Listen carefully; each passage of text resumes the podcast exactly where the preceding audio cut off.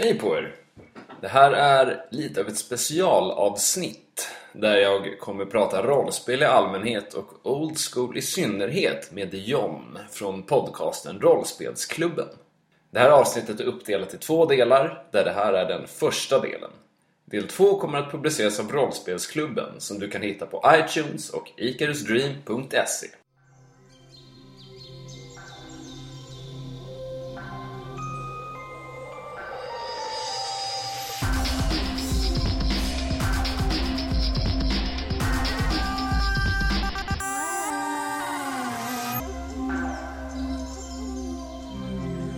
och välkomna till ett avsnitt av Viskningar från Rollspelsklubben. En speciell crossover mellan Viskningar från kryptan och Rollspelsklubben. Mitt namn är John A Jonsson och med mig har jag... Jonas Statin på internet, eh, kanske mest känd som Exem. Ja, och jag är på internet mer känd som Icarus Dream. I alla fall på typ rollspel.nu och i de kretsarna.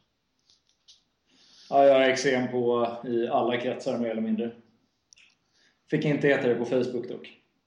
Nej, de har ju den här policyn att man ska heta riktiga saker och sånt. Så gammalmodigt. Ja. Men eh, det finns säkert lyssnare från vardera podcast som inte har hört den andra podcasten, så vi kan ta en liten kort presentation av oss båda.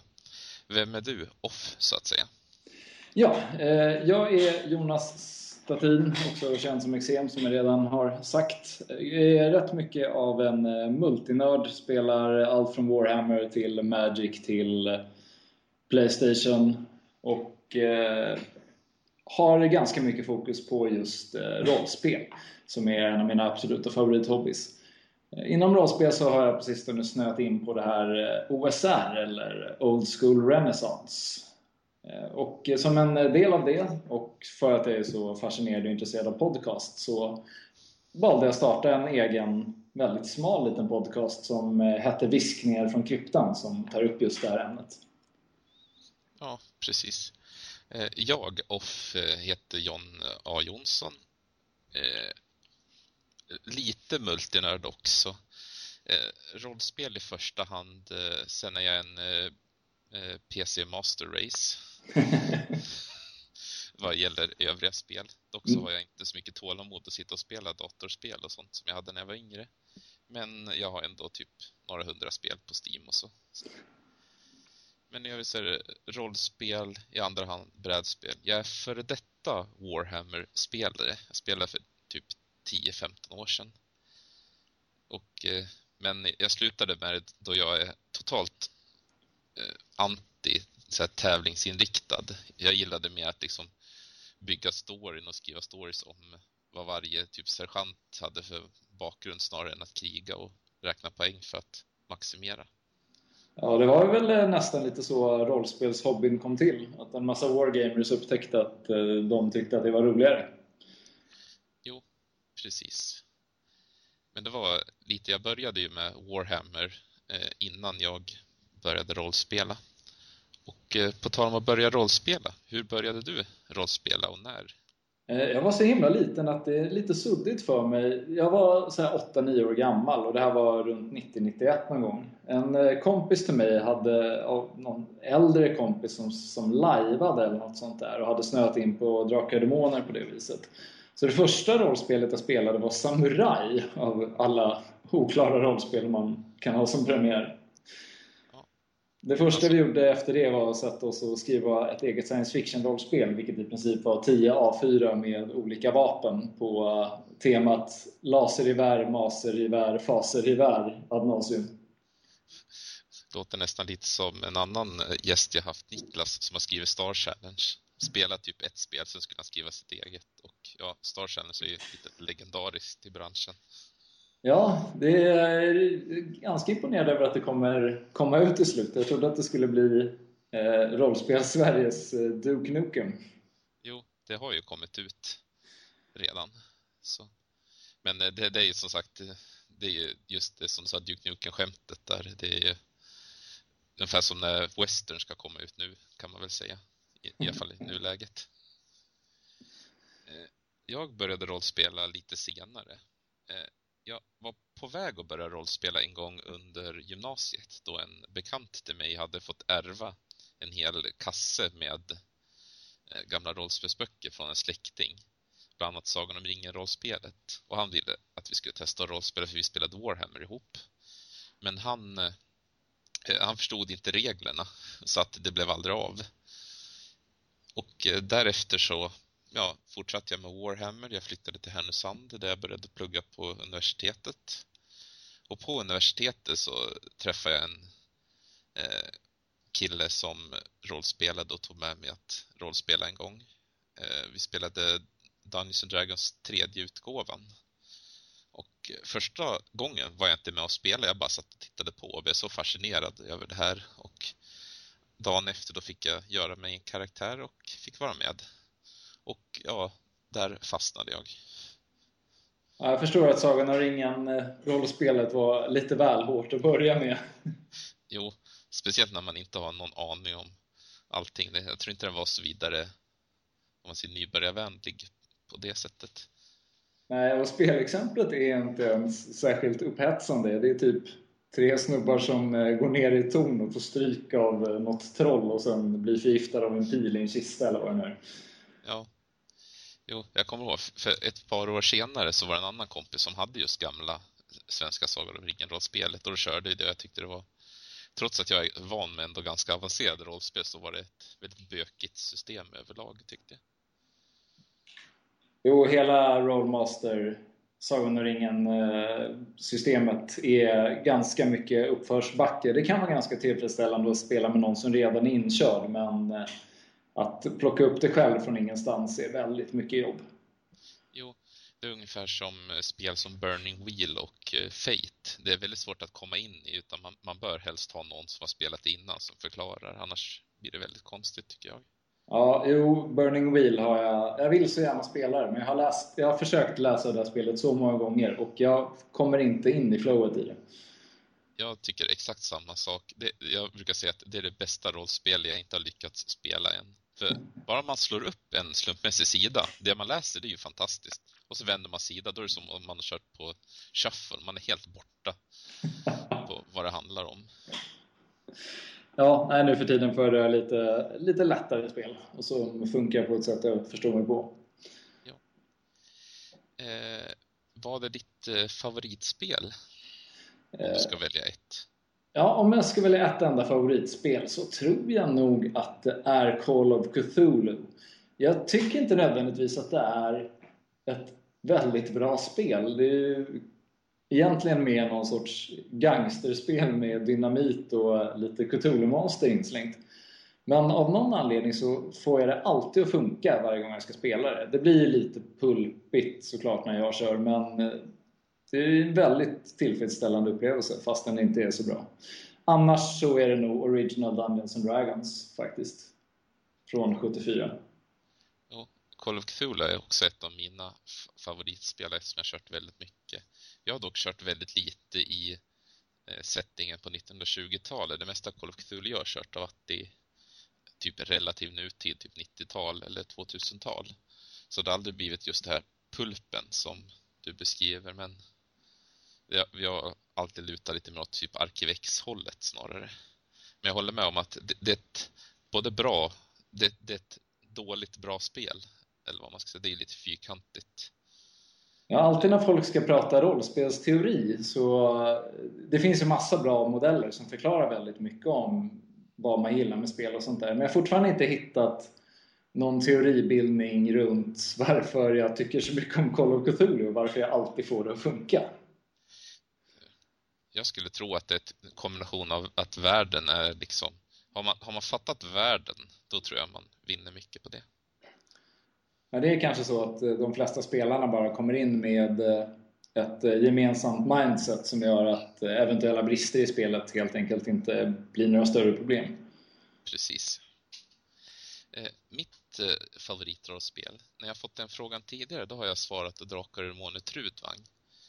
Men på senare tid har jag ändrat mig. Jag skulle nog säga att mitt absoluta favoritspel, i alla fall just nu, det är Ion. Och om man ska prata utgåvor så tredje utgåvan av Ion. Det är ett spel jag väldigt lite erfarenhet av. Jag spelade sen några gånger när jag var yngre men det tog aldrig riktigt fart i någon, någon spelgrupp jag varit med om. Ja. Ion är annars ett spel som är väldigt populärt, i alla fall på typ rollspel.nu och så, att mobba. Just för att reglerna kan vara ganska bökiga hit och dit. Men jag tycker om man ska se som helheten så spelvärlden eh, är, den är svår att ta sig in i, men tar man sig in i den och börjar se hur, hur allting hänger ihop, för det är många som säger att den har lite det här lapptäcksmodellen från Erebaltor, att man har hittat på länder allt eftersom. Men i Ion, där har de, tycker jag, på ett väldigt bra sätt bundit ihop allting, så att det finns faktiskt en förklaring till de här skummare grejerna, och det är det jag tycker om. Och det, det är lite grann som du sa, att det blir alltid bra för att jag vet, jag vet hur världen funkar. Man kan liksom alltid få till det i slutändan när jag får ihop alla trådar.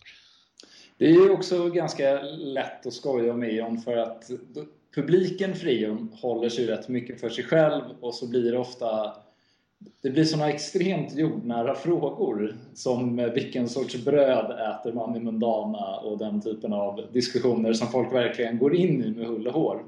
Och det är både roligt att skoja lite om men det är också otroligt fascinerande och ganska imponerande faktiskt.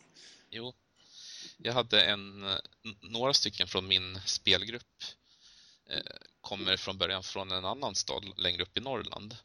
Och de var en spelgrupp som typ bara har spelat Ion i typ så 15 år. Och eh, när de berättar liksom de grejerna de har varit med om, ja man märker att typ blir, man blir lite konstig om man bara kör samma sorts spel hela tiden. En av dem hade med sig en karaktär han hade kört i typ sju år som had, han hade gjort typ allt i hela världen. Och eh, han ville spela den i sin, i det, en ny kampanj vi skulle köra. Och han var ju så otroligt över-imba. Så det inte var sant. Ja, nu för tiden när vi kör det här lite mer old school Dungeons and Dragons aktiga som eh, jag spelar så är jag glad om en rollperson överlever ens sju spelmöten. Sju, sju år. Jo. Känns mycket långt borta. Precis. Eh, vad skulle du säga är din bästa rollspelsupplevelse? Jag har väldigt svårt att välja enskilda upplevelser. Det har varit så otroligt många. En av de absolut bästa är faktiskt eh, en av de första gångerna jag spelade Call of Cthulhu och spelade det här The Haunted House, tror jag den heter, som är ett av de första äventyren i grundboken. Eh, verkligen ett så simpelt äventyr där man bara ska undersöka något spökhus. Men eh, det bara flöt på och alla blev liksom livrädda. Jag snodde exemplet från boken med att någon tappar en Eh, eh, vad heter det nu? En eh, flashlight och eh, den börjar snurra runt och sen ljuset landar på någonting som är hemskt och sånt där. Det var fantastiskt eh, rolig spelupplevelse. Ja. Den bästa rollspelsupplevelsen jag har haft som spelare tror jag, det är lite eh, beroende på eh, hur man minns det just då, men eh, troligtvis när jag spelade som spelare en eh, kampanj till Call of Cthulhu Nutid som heter Unseen Masters.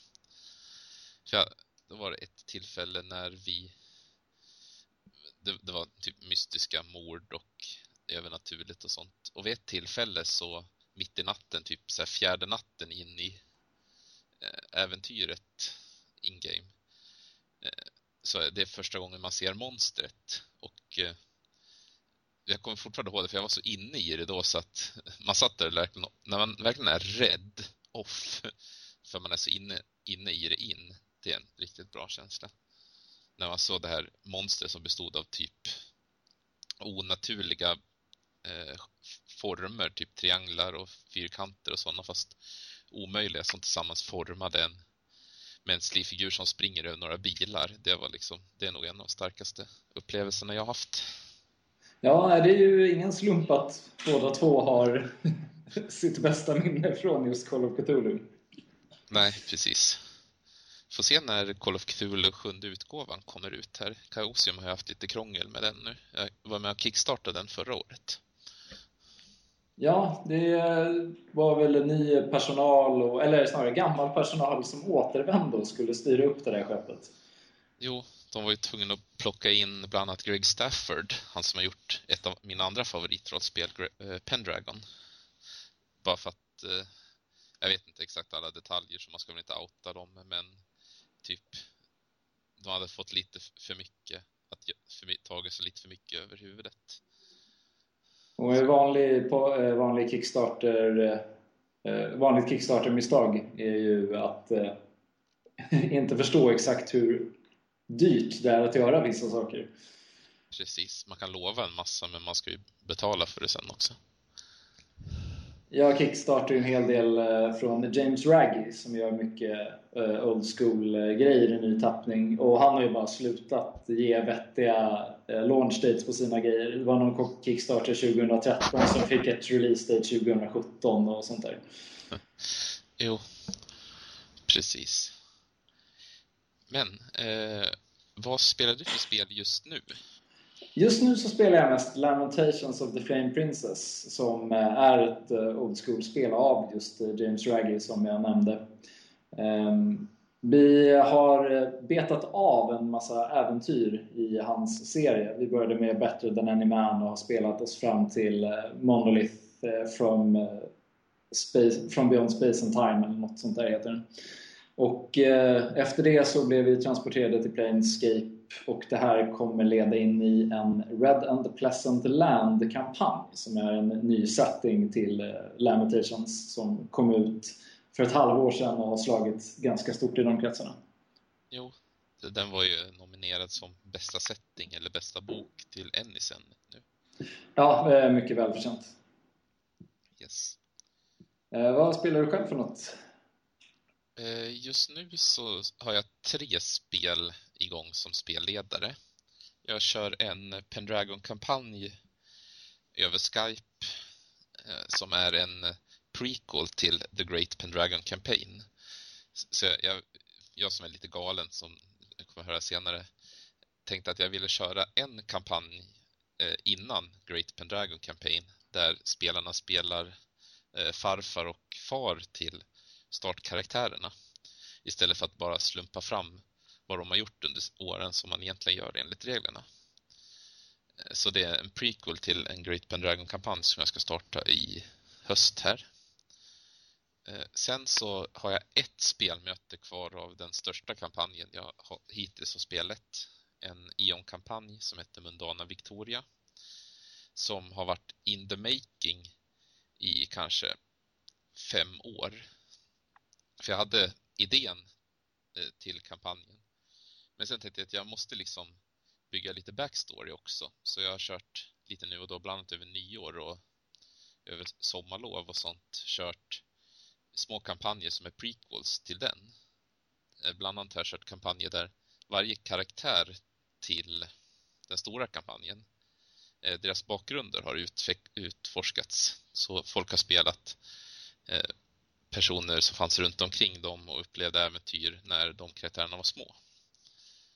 För till den här Ion-kampanjen så hade jag att det var inte färdiga karaktärer men karaktärerna hade liksom namn och bakgrund och sånt. Och så fick spelarna göra vad de ville av det. Det var mest för att jag ville ha en balanserad grupp som skulle kunna ta sig igenom kampanjen. Och nu har jag spelat den, den stora kampanjen och den har pågått i ett och ett halvt år med spel i stort sett varje helg. Så jag tror vi har kommit närmare 60 spelmöten eller något sånt om jag räknar rätt. Jag tappar räkningen någonstans där i mitten. Det är sånt där som man inte tror att folk gör längre, men det var alltså tre reella kampanjer på gång. Precis. Och eh, jag har även just nu startat för att det är ett spelmöte kvar i Ion-kampanjen så har jag en kampanj i eh, Werewolf som jag just har startat. Det blev lite problem på grund av schemaläggning. Det var tänkt att den skulle börja efter Ion, men på grund av lite schemaläggning var Ion tvungen att knuffas fram två veckor och då blev det att starten för Werewolf blev före slutet på Ion. Ja, det låter som att du har många järn i elden. Jo. Jag förstår att du inte hinner spela så mycket tv-spel. Nej, precis. Som spelare så är jag bara spelar i en Call of Cthulhu-kampanj som just nu är på sparlåga så jag vet inte när nästa spelmöte blir där. Men sen så blir det ibland att man kör någon sån enkvällsspel eller något sånt. Bara liksom, ja men det blir inte det vanliga, men då kan vi köra någonting annat. Bara hitta på, ta något konventsäventyr och sånt funkar ju väldigt bra för just enkvällsspel så. Och vi brukar ju ha lite såna här eh, små konvent ibland och då passar vi på att spela de här one-shot-grejerna. Ja, sånt fungerar ju väldigt bra där. Jag har eh, Uppsala-sviten eh, som, på tal om Cthulhu där, som funkar bra liksom att köra någon enkvälls... Så jag spelar dem som spelare men jag har inte kört dem som spelledare än. Men det är ju sådana där typ, man kan liksom dra ut och köra igång på typ 10 minuter när man har allting. Jag vet att jag laddade hem den någon gång, men jag tror aldrig jag kom så långt att jag ens läste dem. Nej, det är ju väldigt, om man vill spela systemlös friforms Cthulhu i typ sekelskiftes Sverige så... Det låter ganska schysst. Jo, det är ju konventsäventyr från början så de är ju gjorda för att kunna betas av på typ 4-5 timmar. Sen kan man ju liksom dra ut på dem längre om man ska ta dem en hel helg eller något sånt, men hur som. Ja, nej, men 3-4 timmar är lite av min sweet spot för ett spelmöte faktiskt. Jo, sweet spoten har ju sjunkit lite sen man började rollspela. När jag började spela för drygt 10 år sedan, då var det ju att man, man började typ klockan... Man, man slutade ju på universitetet runt fem på fredagen. Så till sex kanske man började spela spela till typ 2-3 på natten, dra hem och sova. Eh, tillbaka vid 9-10 på kåren, köra liksom hela natten där igen. Hem och sova en stund innan söndagen och så spela till typ 8-9 på kvällen på söndagen. Det, det skulle mycket kaffe till innan man orkade i, idag. Ja, verkligen. Men eh, vi har ju ett litet ämne för det här avsnittet och det är ju just som du har nämnt tidigare OSR. Yes, eh, lite av mitt favoritämne kan man säga. Ja. Jo, jag är relativt oinsatt eh, i OSR egentligen. Så du får ju vara den som vet saker och jag får vara den som inte vet så mycket. Men vi kan börja med vad fick dig att just gå över till OSR-rörelsen, det som drog in dig där? Eh, vi, tillfället var, det var ganska sent. Vi spelade eh, rätt mycket Dungeons Dragons 4th edition vid tillfället och jag hade snöat in lite på att spela ganska linjära kampanjer, mycket set pieces och um, liksom stora coola enskilda händelser men inte så mycket spelarfrihet. Och det beror ju rätt mycket på att det var 4th edition gör i princip. Det är väldigt svårt att improvisera i det spelet. Jo, jag brukar kalla det att när jag ska vara taskig mot någon som gillar Dungeons Dragons så brukar jag säga att Dungeons Dragons 4 är ett brädspel snarare än ett rollspel. Ja, det är en, eh, ett påstående som dök upp titt som tätt under det spelets livstid. Och inte helt oförtjänt kanske, men lite överdrivet. Jo, precis. Men eh, under den här perioden så Eh, hängde jag rätt mycket, eller gör jag fortfarande, men rätt mycket i chatten på rollspel.nu och eh, Umeå-gänget och då i synnerhet eh, The Bracy och Hans e. Magnusson pratade ganska mycket om old school och lite old school-produkter och sånt där. Så jag började läsa lite sånt och tyckte att det var ganska coolt och började liksom införliva lite så old school element i min kampanj. Den gick från att vara någon sorts eh, spionkampanj till att bli mer av en dungeon crawl-kampanj. Och till slut tänkte jag att så här, nej, jag ska nog bara switcha över till ett mer dungeon crawligt och sandboxigt system. Så jag skaffade ett spel som heter Labyrinth Lord som är en klon av Basic Dungeons and Dragons. Och så körde vi ett äventyr som hette The House of Rogat Demacian. Eh, som The House... Oj, sorry.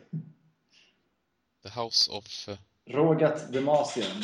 Eh, Okej. Okay gavs ut som ett gratisäventyr bara som är kanske två, tre timmar långt. Som ja. slutade med, det, det går ut på att man ska bryta sig in hos en bortrest trollkarl. Det slutade med att hälften dog och de andra försvann därifrån enbart med några kuddar som skatter. Och jag blev så såld att jag tänkte att det här är vad jag ska spela framöver. Och sen har jag en tendens att snöa in ganska rejält när jag väl upptäcker någonting jag gillar. Så det fortsatte på det spåret helt enkelt. Ja. Nej, jag har aldrig spelat något eh, OSR-spel som spelare riktigt. Eh, dock så har jag eh, några stycken. Jag äger bland annat Lamentations of the Flame Princess och Whitehack. Och de båda är ju så kallade kloner. Så, men jag har aldrig riktigt, eh, det har aldrig blivit av att spela. Eh, mer än att jag spelade ett spelmöte i Lamentations och eh, då tyckte spelarna inte att det var roligt för att de var väl vana med att det var lite mer att spelledaren har förberett berättelser och sånt. De var inte lika mottagliga på att ja, men ni får liksom göra lite mer vad ni vill där. Ja, den här sandbox-grejen kan ju vara lite svår att ta till sig om man inte är så van vid det. Det är också svårt att liksom kasta det på nya spelare tror jag för att man kanske sitter där och tänker att så här, men jag, har, jag har inte riktigt någon agenda jag vet inte riktigt vad det är tänkt att vi ska göra. Och om man är van vid att det liksom finns en idé om vad rollpersonernas uppgift är redan från start så är det ganska svårt att börja nysta i rykten och sånt själv. Eh, det finns ju en hel del eh, metoder för det här som är ganska vanligt i många old school-produkter, särskilt ryktestabeller och sånt där. Det är ju någonting som kanske är lite torrt för någon som är van vid lite tyngre hook så att säga. Snarare än att bara, det finns en trollkarl i torn någonstans. Precis. Ja, när jag har kört lite olika typs eh, sandboxes, eh, bland annat har jag försökt köra svavelvinter som det. Men överlag så tycker jag spelarna verkar liksom, i alla fall mina spelare, de jag har spelat med, verkar inte vara så mottagliga just för den nivån av frihet för att eh, det, det slutar nästan bara med att de börjar liksom så här, inte äventyra eller börja storyn utan de, de blir liksom att de ska testa hur långt de kan eh, sträcka spelet innan någonting går sönder. Börja testa gränser och sånt. Ja, det kan jag i och för sig tycka kan vara ganska kul också. Men då måste spelarna tycka att det är roligt på riktigt också. Och inte bara vilja se saker gå sönder. Precis. Eh, men det är väl en typisk sån där grej att om man ska spela så så måste man ju nästan diskutera lite vad slutmålet med en sån spelstil blir eller ska vara för gruppen tror jag. Jo. Annars brukar det bli liksom, jag hade en eh, jag körde med Svavelvinters regelsystem men i en egenskapad fantasyvärld. Ganska Game of Thrones inspirerat. Och så måste jag få vara lite hipster och säga att det var innan tv-serien kom. Eh, så jag, jag, gillade Game of Thrones innan det var coolt. Men eh, hur som helst, eh, vi körde typ fem sex spelmöten. där de hade, det fanns en premiss för var, de var ett hyrsvärdskompani i ett krig. och så hade de lite grejer de gjorde där. Men då blev det att efter ett tag, det var mycket spelgruppen hade problem med en av spelarna i gruppen. Eh, och till slut så blev det bara att alla ledsnade och började döda varandra. det kan vara kul att ha varit med om det också. Jo, dock så finns det ju liksom skillnader på att om man gör det plottmässigt eller om man bara gör det när jag typ gillar inte det, jag vill att du ska ut ur kampanjen eller sluta spela med oss och så jag dödar din karaktär. Det är ja. inte riktigt, eh, det, det, tycker jag i alla fall inte jag är roligt men Nej, nej, det är faktiskt inte så hälsosamt. Det är ju mest bara intressant att ha varit med om någon gång så att man kan undvika det framöver. Jo, jag har haft med om där, där det har funkat i en lite mer rälsad kampanj. Där det var en spelare som var han var lite, han, han var lägst i rang i hela kampanjen. Och alltid den här typ, för han var en bastard så att han hade typ inget arv eller någonting sånt. Och det slutade med att det sista som hände i kampanjen var att han lyckades lönnmörda alla andra i gruppen. och då var det liksom, storymässigt blev det så jäkla bra. Eh, och de andra spelarna blev inte upprörda och sånt, för de tyckte också det passade väldigt bra. Men liksom det är skillnad på att, och, att jag fick liksom hans jättelånga plan på hur han skulle lyckas med det lönnmordet och så gjorde han ju och lyckades med alla slag så det gick ju igenom. Än att liksom bara, ja men vi, vi sitter under bordet, jag drar ett svärd och hugger huvudet av dig. Liksom bara för att jag har tråkigt. Det är ju inte riktigt samma sak. Nej, det är ju inte samma sak överhuvudtaget egentligen. Nej, verkligen inte. Men eh, det som jag tyckte innan jag eh, satte mig in lite mer i OSR eh, det var ju vad den egentliga skillnaden mellan OSR och andra typ D20-spel, typ Dungeons Dragons, Pathfinder, 13th Age och så va. För, för mig som, innan jag var insatt och fattade skillnaden, då kändes det som att det bara var lite mer typ utvattnade versioner av de spelen. Att det var liksom, man gick tillbaka i utvecklingen istället för att gå framåt i utvecklingen. Vad skulle du säga skiljer de, sådana spel åt? Och jag tänker att för vissa människor tror jag att det här är sant. Eh, I synnerhet om man började spela eh, när eh, D20 var i full swing. D20 spelen eller vad man ska kalla det har ju mycket mer fokus på stridstaktiska element och förmågor. Det är ju mycket mer att man har liksom en bild och att man har liksom en vision av vart ens karaktär ska ta vägen regelmässigt. Man kanske bygger rätt mycket på att så här, jag ska kombinera trip med eh, den här förmågan så att jag kan göra så här mycket skada i strid och sånt. Och de elementen finns ju egentligen inte i eh, de gamla spelen. Och spelar man samma typ av äventyr, att man har eh, man liksom går in i en strid, in i nästa strid, in i nästa strid och man får experience points för att döda monster i huvudsak. Då kom, om man spelar på samma sätt med de gamla spelen så kommer det antagligen kännas som mer utvattnade versioner för att du har färre alternativ och färre saker som gör din rollperson unik.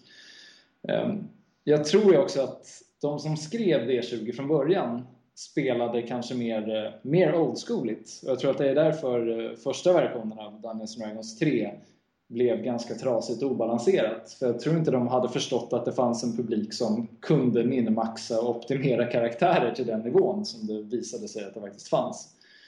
Eh, jag tror att internets genomslag hade jättemycket med det att göra också, att folk liksom kunde diskutera eh, regelnyanser på ett sätt man inte kunde göra förut. Men eh, den stora skillnaden är hur mycket spelarna kontrollerar eller äger reglerna i stor utsträckning. I third edition så har du liksom ett antal regelelement som är väldigt skrivna i sten. Det är så här spelet fungerar. De äldre spelen är lite mer rulings not rules, det vill säga att spelledaren eh, har mycket mer ansvar för att tolka hur reglerna ska appliceras på en enskild situation. Så man kanske till och med inte ens är konsekvens från gång till gång, eller konsekvent från gång till gång i eh, hur en viss situation ska tolkas. Och det är okej, okay. det är spelledaren som liksom avgör vad den tycker är ett rimligt sätt att handskas med en, eh, med en situation.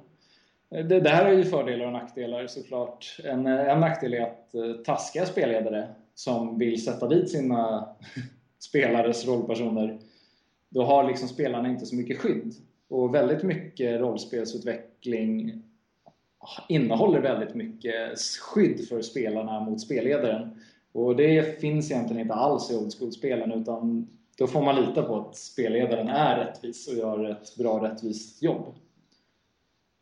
Precis. Eh, men jag känner igen lite det beteendet från vissa spelare jag har spelat med att vissa liksom kan luta sig tillbaka och liksom känner att ja men nej, spelledaren löser det här medan vissa verkligen är sådär typ eh, för spelare som har blivit typ nästan aggressiva om jag eh, improviserar en regel eller sånt för att jag, jag försöker köra med att inte ha böcker och sånt vid eh, spelbordet. För att jag, jag för mig dör lite stämningen om jag måste liksom bläddra i reglerna för att hitta hur man gör en viss grej. Så jag brukar mer typ de flesta system när man har fattat dem, då kan man liksom eh, improvisera fram en regel, till exempel Eon lägga till eller ta bort svårigheter. Samma med Dungeons and Dragons och de spelen, liksom jag sätter av sig och slår mot den. Och så. Men vissa spelare blir liksom nästan aggressiva när, när det märks att man hittar på något eget och liksom kanske inte följer exakt det som står i böckerna. Och då, då tror jag inte att man är så mottaglig för old school-spel och eh, spelledare som eh, liksom tar väldigt mycket, eller tar hela kontrollen över regel för regelhanteringen. En, en annan stor skillnad är att old school-spelen är ju mycket mer eh, lightweight. Det är helt enkelt färre regler. De är lite snabbare, lite mer loose. Man använder oftast inte till exempel individuellt initiativ i en strid utan man slår kanske bara en D6 och den som slog högst agerar först. Och det blir liksom lite mer kaotiskt och löst alltihopa. Och inte så mycket vilken ruta man står på på ett rutnät nödvändigtvis. Nej, precis. Det är en sån där grej som, jag började ju med Dungeons Dragons 3. Eh, men just konceptet att spela rollspel på rutnät, det är för mig fortfarande så tio år senare, det är fel. för jag gillar eh, rollspel där man har liksom friheten. Det är det som gör att jag inte alltid klarar av att spela eh, datorspel för mycket längre. För jag vill liksom... Jag vill ha den där friheten. Jag och en bekant, en som finns på rollspel.nu under namn eh, ond bråd Död. Han och jag bråkar jätteofta om det där för att vi båda har spelat Counter-Strike tidigare. Men jag slutade för att jag känner mig så otroligt begränsad. För jag vill liksom ja men ska man ta den här banan, ja men jag vill kunna klättra upp i den där ställningen och gömma mig under den där lådan. Medan han, han tycker mer, ja men man ska köra på samma sätt som man alltid gjort för att vinna man. eh, och så känner jag det lite där med rutspels eh, rollspel. Dungeons Dragons 4 är ett bra exempel på det. Ja, du kan flytta två rutor fram. Okej, okay. ja men jag vill, jag vill typ svinga mig i takkronan. Ja, men det kan du inte. Nej. Eh, Nej, det finns ju så här någon sorts eh, regelhantering för det här med att svinga sig i takkronor och sånt i 4th edition. Men det är ingen som använder det för att det är alltid sämre än att använda en av ens powers. Precis. Så man blir alltid straffad för att inte spela ja, bräd eller tv-spelet helt enkelt. Precis. Och det jag tycker är mycket roligare när man liksom kan eh, Visst, det märks ju om, om en person verkligen försöker minmaxa någonting. Men eh, jag uppskattar mycket mer när spelare försöker vara fyndiga, liksom hitta på eh, bra lösningar. Ibland kan de vara på gränsen till galna. Jag är en spelare som heter Robin som är, han är expert på att hitta precis de där rent galna lösningarna men som ändå är liksom realistiska. Och som spelledare, det är ju eh, jag klarar av det för jag är ganska bra på att improvisera och sånt. Men vi har en annan spelledare som både jag och han har varit eh, spelare åt. Och han hade jätteproblem när eh, Robin hittade på en, en sån galen grej som kanske var lite utanför regelsystemet men ändå liksom logisk. Och då märkte man att spelet stannade av totalt.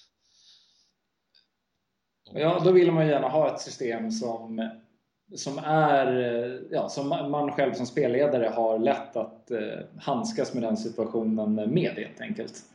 Precis. Och 4th edition är i princip omöjligt. 3rd edition är krångligt. Medan Basic Dungeons Dragons så det finns inte så mycket att luta sig på så det är väl bara att ta ett save eller eh, ett grundegenskapslag och sen eh, kör man. Precis. Eh, jag körde nyligen en kortare kampanj i 13th Age. Jag har, jag har Pathfinder också. Jag kände det lite onödigt att ha både Dungeons and Dragons Pathfinder och 13th Age. Och med Dungeons and Dragons menar jag då typ Dungeons and Dragons 3 eller 3.5. Men 13th Age gillade jag för att det är ju det känns ju som lite inte riktigt OSR men lite åt det hållet att saker är ganska godtyckliga det, det, är väldigt enkelt och basic. Men man, kan, men man har även typ feats och sånt som gör det lite krångligare. Men det är ändå ganska mycket, ja men typ du som spelare bestämmer. Eh, och då krävs ju det där du som med lite mer respekt för att 13th Age har att spelledaren bestämmer när man levlar upp. Vilket var en sån grej som jag tyckte var lite konstigt från början. Men sen fattade jag liksom att då kan man ju sätta eh, pacen man vill ha på kampanjen. Vill man att de ska snabbt nå höga levels, ja men säg att de levlar i slutet på varje spelmöte. Eller som vi körde, levlar i slutet på varannat spelmöte. För då kan man, det blir lite som ett lite lättare sätt än att hålla på och räkna eh, experience points. Men det är återigen något som kanske inte passar alla, men vår spelgrupp passade det väldigt bra. Ja, 13 Age har jag inte läst eller spelat. Det är det som har det här med Escalation Die. Ja, precis. Ja, jag har läst om den mekaniken. Det är en av de bästa mechanics jag har hört talas om. Jag tycker att den är lysande faktiskt. Strid, striderna går extremt snabbt. Och så en sak jag gillade med 13 Age också, för det som kan vara bökigt med de flesta spel, det är när man går in i bestiariet och kollar typ e- en, ett monster har stats som täcker en hel sida. men i 13th Age där är det liksom AC, Magical Defense, Physical Defense och typ hitpoints. Det, det behöver inte så mycket annat. Ja, hur mycket skador de gör, men liksom i övrigt så är det typ varje monster är typ två meningar långt. Och det gör jätteenkelt att spelleda. Man liksom bara initiativ, HP, ja, AC som behövs och så bara kör.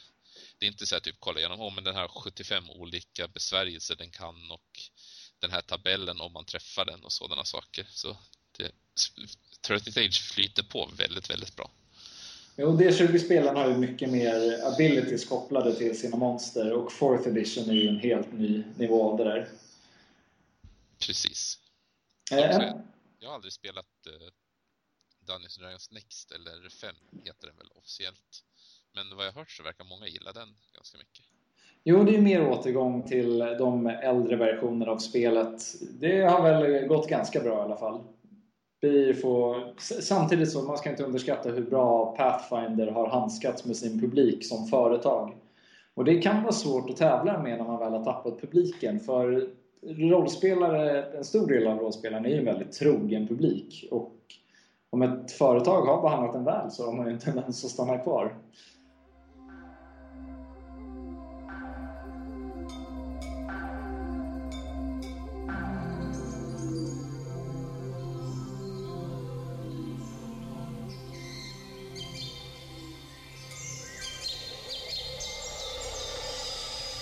Samtalet fortsätter alltså hos Rollspelsklubben som du hittar på iTunes eller icarusdream.se.